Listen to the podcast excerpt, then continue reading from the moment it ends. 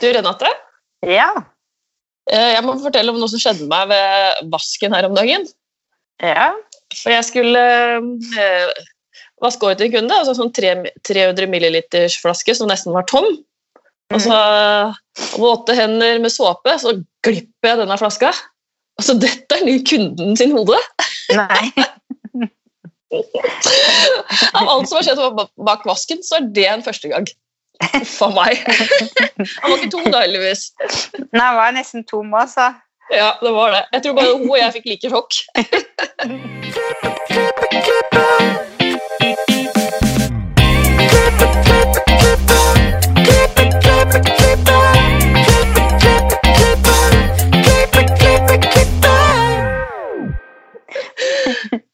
Velkommen til Hårpodden. Heter Renate. Jeg heter Ann-Marit. Ja. Hvordan har din uke vært, Ann-Marit? Ja, nå skjer det litt, faktisk. Altså. For nå eh, står jeg på tampen for å begynne med det Pivopoint-kurset.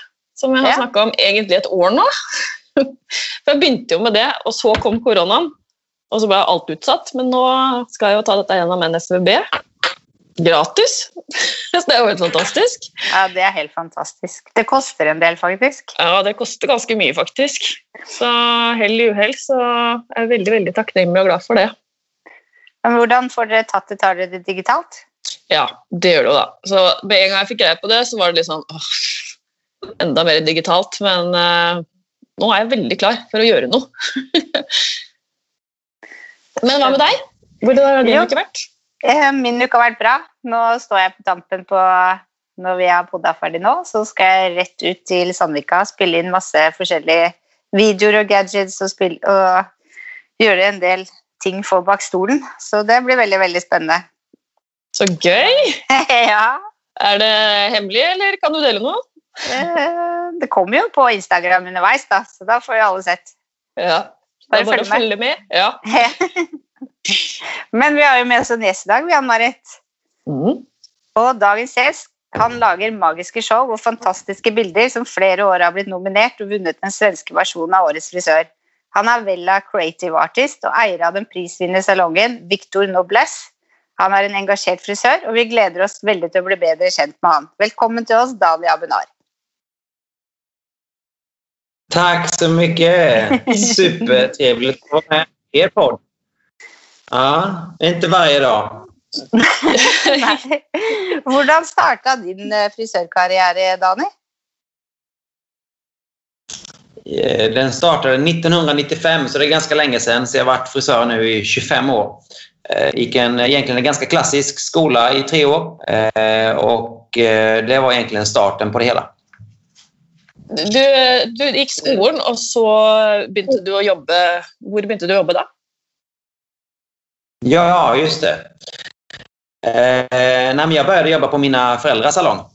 Så de hade en salong, mamma och pappa, eh, i, i djupa Smålands skogar där Ikea startade en gång i tiden, i Älmhult. Så där började jag min eh, karriär kan man säga, mina första åtta år. Sen blev det London och nu Göteborg. Så det var en liten spännande resa. Men Var det tilfeldig at du ble frisør da, hvis både mamma og pappa er frisør? Eh, det var nog mer en tillfällighet faktiskt. Eh, det var ingenting jag drömde om, om man säger så. Utan eh, mitt enda argument för att bli frisör det var att alla behöver ju alltid klippa sig, så det är perfekt. Man kommer aldrig vara utan jobb. så det var, det, var, det var där det började. Hva, er det, det, det beste argumentet ditt i dag da, til å være Ja, det är, det är lite mer djupare nu då. Nu har man ju lärt sig att, eh, att det är väldigt kreativt. Och det är fantastiskt att jobba med människor och, jobba, eh, och göra dem vackra, fina. Eh, och så är det också väldigt spännande för man vet aldrig vem som sätter sig i stolen. Eh, och hur de kommer se ut. Och vad de vill ha. Eh, det jag märker skillnad genom de här åren som jag, från att jag började till nu, det är ju hur medvetna kunderna är nu. Eh, De har Instagram och Pinterest och Youtube och Google. Allt finns eh, liksom i handen på dem i en telefon till exempel. Så, så var det inte förut. Eh, Men de är väldigt mer medvetna och vet vad de vill ha. Så det ställer lite högre krav på oss. Jag måste spørre, London. Hva, Jobba du i London som frisör eller gick du skola eller vad gjorde du? Du, jag jobbade på en salong som heter Cobella. Och, eh, 2001 och 2002 blev de Hairdresser of the Year. Och, eh, det tyckte jag lät spännande, så då sökte jag jobb där. Och så fick jag jobb faktiskt. Eh, de öppnade en helt ny salong på Selfridges eh, på Oxford Street. Eh, tredje våningen. Och det var, jag fick höra det sen att det var 700 sökande till åtta platser från hela världen. Så, det var ganska coolt. Så jag fick, fick faktiskt jobbet. Så det var kul. Måste du pröveklippa? Eh, ja, ja, faktiskt. Jag, jag, jag prov, eh, jobbade en hel dag på salongen med kunder. Och Det sjuka var att jag, eh, första dagen jag kom till salongen så var jag en timme sen. Så jag missade Oj. min första kund. Oj! Och varför var jag det då? Ja, det var ju för att jag hade min telefon.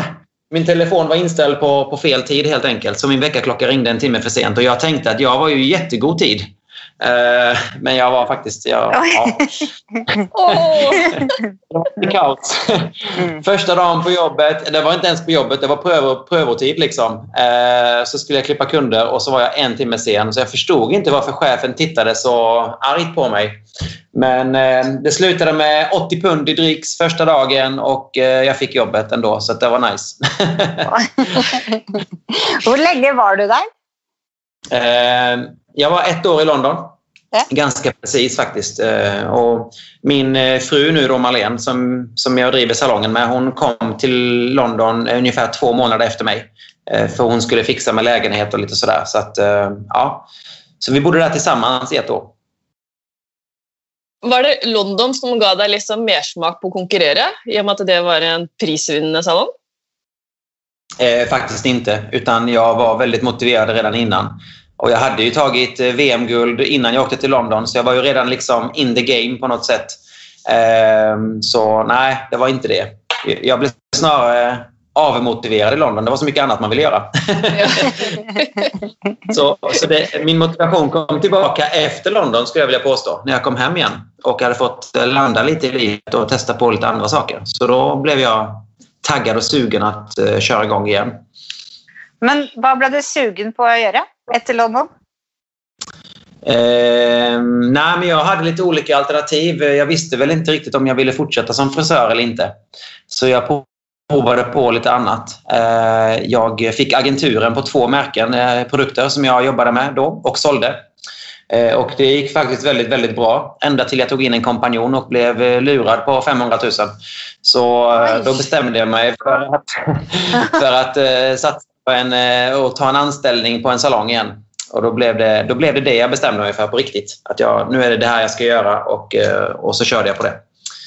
Så att, eh, ja, jag har provat på lite olika. Ja. Nej, Jag hade en kompanjon, jag hade en kompanjon som inte var riktigt pålitlig märkte jag sen. Så, så är det. Man lär sig på sina misstag. Men det gick bra det också. Men det var, det var schampoer och det var hårprodukter som du tog en agentur på? Ja. Precis. Sen blev det märket faktiskt uppköpt av eh, L'Oreal. Ehm, och ehm, ja, på den, på, den vis, på den vägen var det. Detta är ju över 10 år sedan, eller 15 år sedan. Så att ehm, det är det märket som heter Techniart nu. Så Oj. de köpte upp eh, Artec hette det innan. Ja. De bytte om på två ord. Det var kreativt. Men eh, så var det. Det var, det var en intressant resa och den, eh, den grundaren till Artec, eh, det var den grundaren jag jobbade med för ett märke som fanns då. Så att, ja, det var, det, var, det var en story som var en liten parentes. Och, och då, när du var färdig med det, då öppnade du din egen salong? Nej, faktiskt inte. Utan då fick jag ju superbra kontakt med en eh, salong som heter Salon Victor i Göteborg. Och eh, Victor som heter det, det känner ni igen i namnet Victor Noblesse. Mm. Så eh, Victor jobbade ju tillsammans med grundaren till Noblesse. Och man kan väl säga egentligen att de var, de var väl stans största konkurrenter. men eh, men eh, låg 100 meter ifrån varandra. Två etablerade salonger. Liksom. Så jag började på, på Viktor 2005. Blev anställd där på heltid eh, och blev väl ganska snabbt tillfrågad om jag ville ta över verksamheten. Men jag sa att eh, jag vill pausa lite. Jag vill se hur, eh, hur det ska gå med... Ja, han hade bara anställda då. Och så ville jag se liksom, hur funkar det om en anställd slutar. Tar den med sig kundkretsen eller stannar den kvar på salongen? Och eh, efter tre år så insåg jag att det hände i princip ingenting när folk slutade. Det, var, det blev en litet liksom, hack i protokollet, bara pyttelite. Men kunderna stannade kvar i princip på salongen för de köpte konceptet. Liksom. Eh, och då såg jag att nej, men det är ingen fara med det att uh, ta över den här verksamheten för att om alla slutar så kommer kunderna ändå komma till salongen för det var så etablerat varumärke. Och då kände jag bara, nej men let's go, let's do it. Eh, så jag och Malin, vi bestämde oss för att eh, ta över Victor då, som den hette, Salon Victor. Ehm, och eh, ja, det blev en intressant resa. Ehm, två år senare så blev vi ju årets salong i Sverige med Salon Victor då. Och sen så året efter det så, så startade vi Victor Nobles och hade då som koncept att egentligen försöka skapa Nordens exklusivaste salongsmiljö. Det var vår ambition. Um, och vi har blivit omskrivna om det också som, som det. Så att vi, vi försöker hålla, liksom, hålla den, eh, den känslan och den nivån för, eh, för våra kunder. Så Hvis Victor og Noblis slår seg sammen, og det var de to største konkurrentene, da har jo dere nesten litt sånn monopol i byen, dere da, vill jag säga. Ja, kanske inte monopol, men i ett visst kundsegment om man säger så, så var vi ganska dominanta. Eh, ska vi kalla det för i den övre prisklassen av kunder. Eh, eller av ja, prissättning av salonger. Då. Så, men det är klart att Göteborg har ju en miljon invånare. Det är klart att vi, vi är inte dominanta här, men vi, vi sticker ju ut eh, med det vi gör såklart. Eh, vi har 19 000 kundbesök per år ungefär. Oj! Och det är ganska mycket. Men hur många anställda har du? Ja, nu vet jag inte riktigt för nu har jag gått några på mammaledighet och sådär. Men eh, fyra, fyra stycken mammalediga samtidigt här i Corona. Jag förstår inte vad som händer. men eh, jag, jag, tror, jag tror att vi är totalt 30 eller 31 eller någonstans där tror jag vi ligger nu. Oj. Så att, ja, och vi är 25-24 frisörer någonstans där. Och sen har vi Malen på, på HR. Ja, Human Resources som det så vackert heter. och eh, sköter mycket backoffice och, eh, ja, och jag är med i salongen och sådär. Så att, eh, ja, vi är, vi är några stycken. Men vad ska till för att få jobb hos er? Eh, man ska väl... Eh, det första jag faktiskt tittar på är attityd. Vem är du som person? Liksom? Eh, det är nog det viktigaste. Vi kan alltid lära folk att klippa. Vi kan alltid lära dem att färga, dem, färga och vi kan lära dem att bli bättre. Men har man dålig attityd så är det alltid svårt att förändra en människa. Eh, det har vi märkt genom åren. Eh, så vi, vi tittar jätte, jätte, jättemycket på det. Eh, men såklart, alltså det är ju självklart välkommet om de kan göra en snygg balayage och en snygg klippning. Såklart, det är ju det vi tittar på först och främst. De har utbildning. De ska ju ha ISL-brev då såklart. Det är ju det vi satsar på och försöker hålla, hålla den nivån. Ehm, men i övrigt då så är det framförallt väldigt mycket attityd vi tittar på. Vad, vad slags koncept har Noblis? Victor Noblis? Eh, konceptet, varför kunderna kommer till oss var kanske frågan. Eh, ja, jag, eh, jag tror att ehm, det vi har försökt göra det när vi skapade själva liksom, miljön det var att tänka, inte tänka salong, utan tänka hotell-lounge, Eh, hemma i vardagsrummet i ditt eget hus eh, och få det att kännas eh, väldigt ombonat och väldigt liksom eh, cozy. Eh, därför har vi mycket mörka färger, mycket svart och guld. Och, ja, ni kan se det här. Så vi har guldtak till exempel. Eh, wow. Vi har Versace-tapeter i, i, svart och guld. Vi, alltså den miljön gör att det känns mer ombonat än en vit vägg till exempel. Eh, det är inget fel på vita väggar, men vi vill inte ha den känslan. Eh, vi ville känna att det känns lite mer som att sitta hemma. Eh, så. Luxury Hotel Lounge, ungefär så. Jeg vil si at Sort og gull det er jo eksklusivt. Du vil vel kanskje føle at du er på et eksklusivt sted, istedenfor å sitte i et legekontor og få pynta på håret? Ja, faktiskt. ja. Det här var ju mitt kontor du, sitter, du tittar i nu så att eh, vi försöker ju även här då skapa en miljö när vi till exempel bjuder in anställda och har personliga samtal eller om vi ska ha nyanställda eller om vi ska ha andra möten så vill vi ju sitta i en miljö som återspeglar helheten. Så att man inte... Ja, rummet som Gud glömde ungefär kan man säga.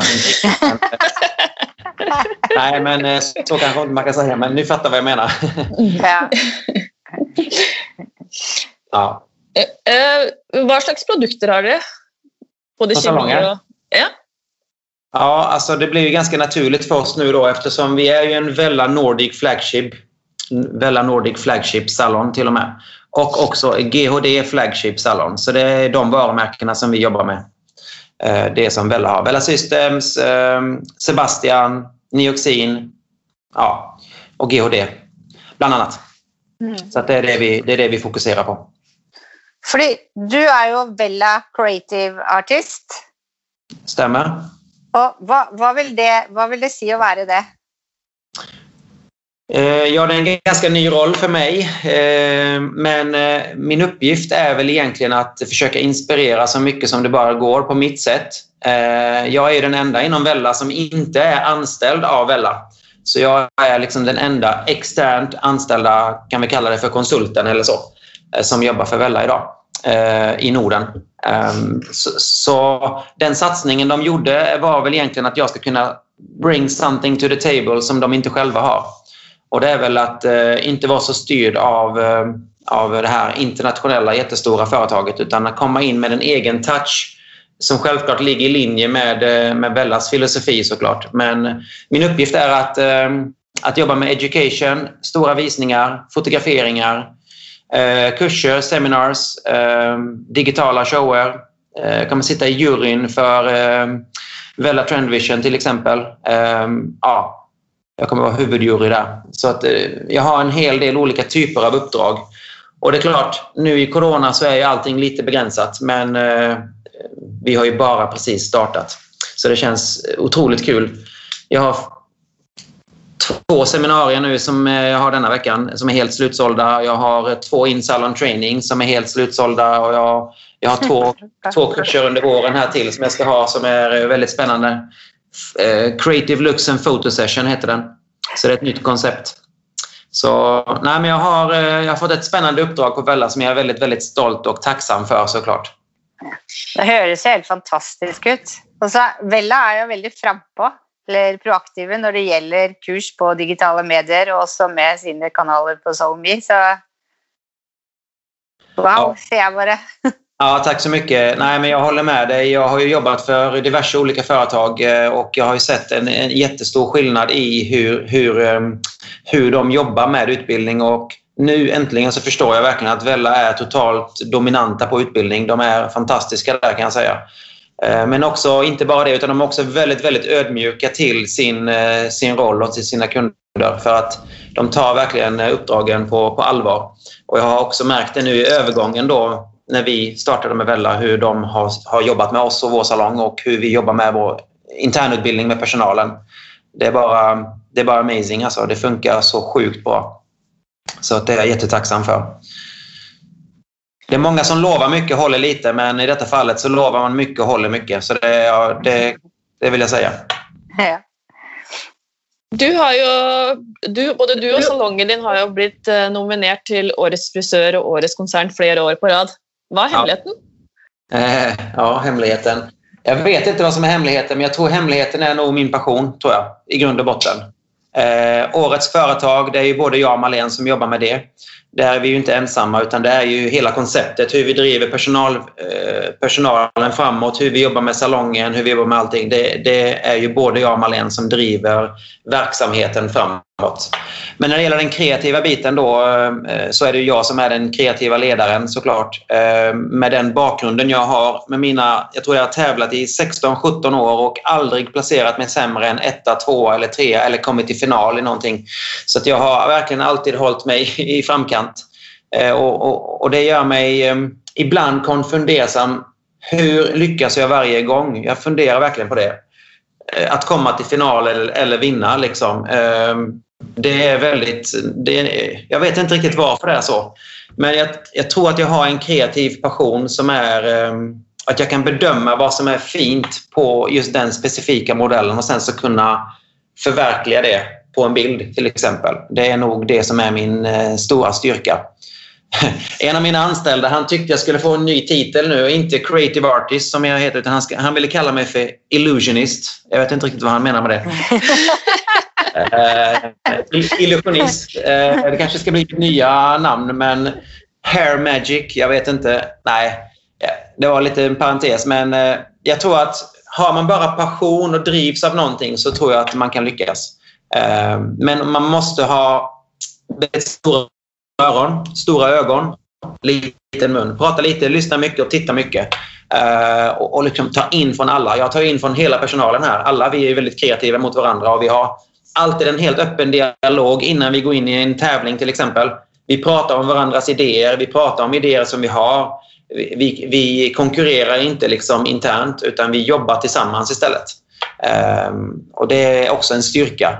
Att, eh, sen när vi väl har skickat in bilderna och allting är färdigt, då är det en tävling. Då får andra bedöma det. Men fram tills dess så är det liksom, jobbar vi tillsammans.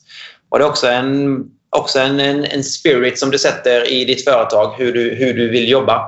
Antingen jobbar du som ett team eller så jobbar du som individualist. Och i vårt fall så jobbar vi som team. Mm. For hvordan går du fram sånn fra A till Å när du får en idé som du tänker du har lust att laga bilder som du vill konkurrera med? Um, om vi ska börja med A då, så är det ja. um, alltid modellen först. Ja. Alltid modellen först. Och utifrån det så bedömer jag uh, vilken stil jag ska göra på just den modellen. För att uh, modellen ska sälja mitt jobb. Uh, det blir inte lika bra på fel modell helt enkelt. Så där börjar jag alltid. Sen efter det då, om jag märker att jag är eh, på väg i en annan direction, till exempel hon vill inte klippa sig lika mycket eller hon vill inte göra det som jag har tänkt mig, då får jag tänka om. Eh, eller försöka hitta en annan väg, men, men modell först. Eh, och sen idé, sen koncept. Sen så, eftersom jag är min egen fotograf så kan jag se helheten själv. Det är lite lättare. Så du tar bilderna själv också i tillägg? Ja, jag, jag har fotograferat alla våra bidrag de senaste åtta eller nio åren tror jag. Wow! Så, ja. Hur får du tid till allt? Ehm, det är fördelar när man har 30 anställda. Ja. att eh, jag behöver inte jobba lika hårt själv på salongen och kanske kämpa in varenda krona som man gjorde när man var ensam. Ehm, det gör också att jag har tid att vara kreativ tillsammans med de andra och jag behöver inte räkna allting i kronor och ören. Liksom. Ehm, det, det, är väl en stor fördel såklart. att ehm, Sen ehm, är jag kreativ på nätterna. Tyvärr. Det är då på natten. På vilken måte då? jag är en nattmänniska. Det är liksom alla barnen har lagt sig. Marlene har gått och lagt sig. Då börjar min My head is spinning. Liksom. Det är då jag börjar och tänka kreativt och börjar googla på idéer och tänka på koncept och vad jag vill göra och allt det där. allt det kommer oftast då. Så att eh, jag behöver lite sinnesro liksom. På dagarna är det så mycket ändå. Alla i personalen undrar någonting. Jag har fullt med kunder. Eh, Vella ringer, eh, ni ringer, andra ringer. så det, det, är alltid, alltid någon som jagar en på något sätt. Eh, men det är också det som jag tycker är kul. Jag, tycker det är ju, jag gillar att vara in the fire så att säga. Det är då jag blev det är då jag levererar faktiskt bäst, när jag får lite press på mig. Ehm, då blir jag också kreativ. Jag blir inte kreativ när det är eh, till exempel när corona startade. Då var jag helt off. Jag kunde inte, kunde inte göra någonting kände jag. Jag bara fick ångest och tänkte att nej, vad ska jag göra nu? Sen bestämde jag mig för skit i corona. nu, gör jag en, nu gör jag en photoshoot. Så gjorde jag det. Sen bokade jag in två modeller, två fantastiska modeller och sen så gjorde jag min eh, årets herrbidrag och blev nominerad. och då fick jag lite så här eh, så här, vad heter det, luft under vingarna igen så kunde börja flyga. och sen kom Bella och sen blev det bara fantastiskt. Så det är hur kul som helst. Ah, så gøy. Det, jeg elsker å høre det der at du, at du går från liksom at ah, alt er kjipt, til å faktisk være litt proaktiv. Faktiskt. Og, ja. Men det är, det är som ett, eh, en medicin till eh, självhjälp på något sätt. Jag bara, nej nu är det tråkigt, nu gör vi någonting kul istället. Så, bra. Och så gör man det. Och vi har ju satsat på utbildning jättemycket nu under Corona. Eh, Så att detta 2021 då kommer bli ett massivt utbildningsår för oss. Och tillsammans med Vella har vi ju ett, eh, ett, ett, tagit fram ett helt eget individuellt utbildningsprogram för varje enskild anställd. Och det är, vi, det är vi helt unika om, tror jag. Eh, och Det känns så kul. Så vi har bestämt oss att satsa oss ur en kris eh, istället för att eh, ja, sitta som en... Eh, ja, och tycka synd om sig själv. Mm. Det høres ut som en eh, veldig god idé. Eh, Det är en bra idé. Jag kan lova dig att det funkar. funkar. Jeg blir litt nysgjerrig. Hva konkret er det? For da er det hver ansatt skal gå gjennom et program, da, eller?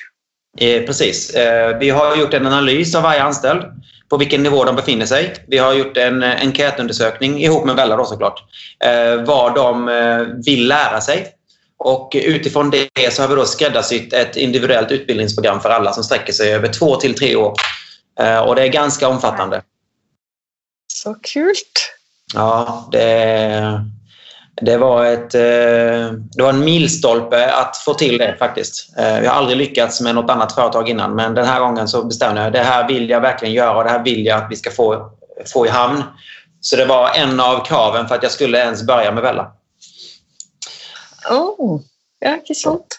Så, så det känns sjukt eh, bra. Och, så det är klart, nu är det, det är ju lite speciellt nu. Det är klart att vi får köra en del digital utbildning. Det är inte samma sak som att träffas face to face såklart. Men eh, det finns ju en face to face-plan också så fort det här lättar lite på restriktionerna och sådär. Eh, men eh, det känns jätte, jättebra. Gör det. Och, och personalen är taggad, de är motiverade och jag känner verkligen att vi har den här kraften att ta oss igenom det här utan, utan några problem faktiskt. Ja, det er heldig de ansatte dine, kjenner jeg nå. Det har veldig, väldigt, gøy ut. Ja, det, är, eh, det, det är viktigt också att, att ta hand om sin personal. För att det är faktiskt de som skapar förutsättningarna eh, också. Eh, de är ju lika mycket med och bidrar som vi själva, som jag och Marlene till exempel, för att skapa en god miljö, god stämning, positivitet. Det räcker att en person är negativ eller två så drar det ner alla lite. Och det, är, det är bättre att man är där innan och försöker bygga upp istället. Bygga upp varje enskild, att man jobbar med dem individuellt och försöker liksom, när det blir problem att man tar tag i det på en gång, löser det, pratar med dem ja, och så vidare. Så att eh, man hittar hela tiden en lösning. Man är lite proaktiv som ni sa där innan. Det er helt sant. Eh, Daniel, vi har noen faste spørsmål til deg også, vi. Ja, Ja. Har du noen tips til andre frisører som vil opp og fram? vill upp och fram, absolut. Eh, eh, nummer ett skulle jag vilja säga är att våga tro på sig själv. Att våga misslyckas. Eh, för att eh, om man inte gör fel så kommer det aldrig bli rätt. Och det är det man måste lära sig på. Det som är problemet med många som faktiskt gör fel en eller två eller tre gånger det är att de ger upp.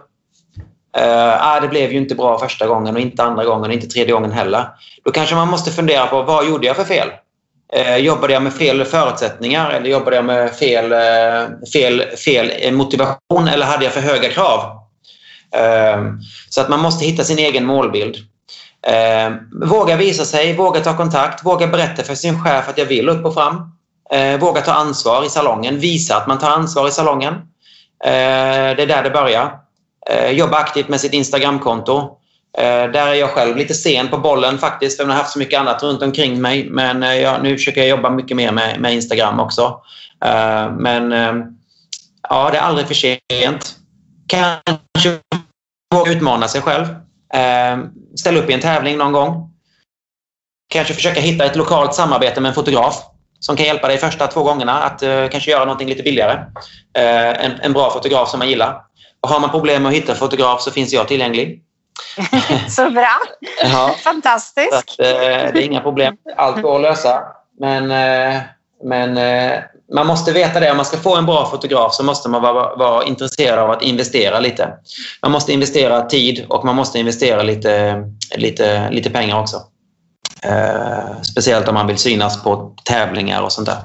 Det, det funkar inte med mobilkameran tyvärr. Det duger, det duger på Instagram men det duger inte för hela vägen fram i en tävling. Då måste man satsa. Har du gått kurs eller är du självlärd fotograf? Eh, självlärd, helt och hållet. Eh, men eh, jag har jobbat med en fotograf under ett års tid. Eh, var min bästa vän. Och är fortfarande min bästa vän. Men jag sa att sen så bestämde jag mig för att nej, nu vill jag göra det här själv. Så jag gick och köpte grejer för jättemycket pengar. jag, bara, jag gick till affären och pekade. Jag ska ha det, jag ska ha det, jag ska ha det, jag ska ha det. Och så... Jag köpte grejer för, för 200 000. Det är ganska mycket pengar. Men under mina sex eller sju år så har jag tjänat in de pengarna ja, säkert ja, inte tio gånger om, men alltså mer än dubbelt. Alltså, alltså om jag ska anlita en fotograf för alla fotoshoots jag har gjort så liksom, det är värt det. Och jag har utbildat mig by liksom learning by doing och Youtube är fantastiskt kan jag lova. Det är så mycket man kan lära sig på ljussättning. Eh, hela min redigeringsteknik har jag lärt mig såklart lite själv också men mycket genom Youtube-kanaler. Eh, kostar ingenting, det bara kostar min tid. Och jag tycker att jag har blivit eh, ganska duktig. Jag märker skillnad på mina sista tre år bara på hur, hur mycket man har utvecklats som fotograf. Så att eh, finns det driv och passion så finns det möjligheter. Just Bra tips. Ja, wow. Vad inspirerar dig? Vad som inspirerar mig? Mm. Mm, sådana här samtal med er till exempel. Eh, för att, att, att prata med kollegor eh, ger jättemycket. Men också titta på vad, vad är det som händer ute i, i, liksom, i världen. Um, vilka tv-serier är aktuella nu? Vilka tv-serier blott, uh, kommer upp och blir stora? Till exempel.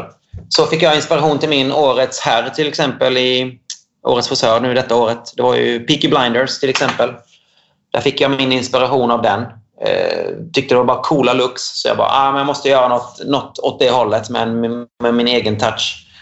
Eh, ja, vad inspirerar mig? Det kan vara, det kan vara vad som helst faktiskt.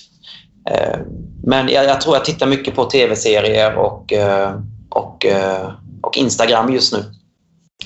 Men jag märker tyvärr då att på Instagram så är det ett speciellt flöde. Det är alltid det här håret bakifrån, lite balayage, lite rainbow colors. Det är lite samma same same liksom. Så man måste hitta andra kanaler för att, för att sticka ut. Så man får inte bara fastna i Instagram. Om du kunde förändra på något i frisörbranschen, vad ville du ha förändrat på? Eh, förutsättningarna för konkurrens, tror jag. Ja. Eh, för att idag får vem som helst öppna en salong. Eh, min dotter får öppna en salong. Hon är 14 år gammal. Om hon har, peng om hon har pengar så kan hon öppna en salong och eh, säga att hon är frisör. Eh, men hon har inte en enda dags utbildning. Eh, det tycker jag är, eh, det borde regleras hårdare vem som får öppna en salong. Och eh, det här med gesällbrevet behöver bli eh, mer, mer tydligt kommunicerat ut till eh, konsument. Vad betyder det? Vem är det som har det? Och varför är det viktigt att ha det till exempel? De två grejerna skulle jag nog vilja förändra. Väldigt, väldigt bra svart. Mm. Var finner lytterne dig på sociala medier? Eh, jag heter Danny Abunar, så där hittar ni mig både på Facebook och Instagram. Det är mitt namn. Inga konstigheter. Det finns bara en som heter så. Tusen tack för en väldigt inspirerande samtal. Ja, men tack själv. Så kul att jag fick vara med i ja. er podd. Och tack för att du ville vara med. Ja, men det är väl klart. Eh, det var inga, det var inga frågetecken från min sida. Alltid trevligt att få vara med och, och, och, och dela med sig av sin, eh, sin erfarenhet lite och alltid så inspirerade någon. För så var det faktiskt för mig. Jag blev också inspirerad av någon som jag såg eller hörde. Och eh, Jag gick faktiskt från klassens sämsta elev till ett VM-guld på ett och ett halvt år. Så det finns möjligheter och det började faktiskt med en person som motiverade mig. Så kanske jag kan motivera någon annan att göra samma resa. Det är fantastisk tanke. Mm. Ja, följ oss gärna på våra sociala kanaler. Jag räknar med att lyssnarna vet nu var vi är. Så hörs vi nästa vecka. Ha det bra! Tack så mycket. Ha det gott!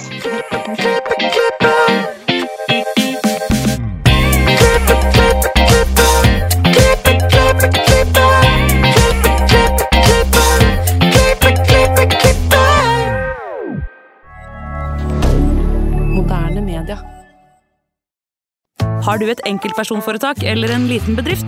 Da er du sikkert lei av å høre meg snakke om hvor enkelt det er med kvitteringer og bilag i fiken, så vi eh, gir oss her, vi. Fordi vi liker enkelt. Fiken superenkelt regnskap.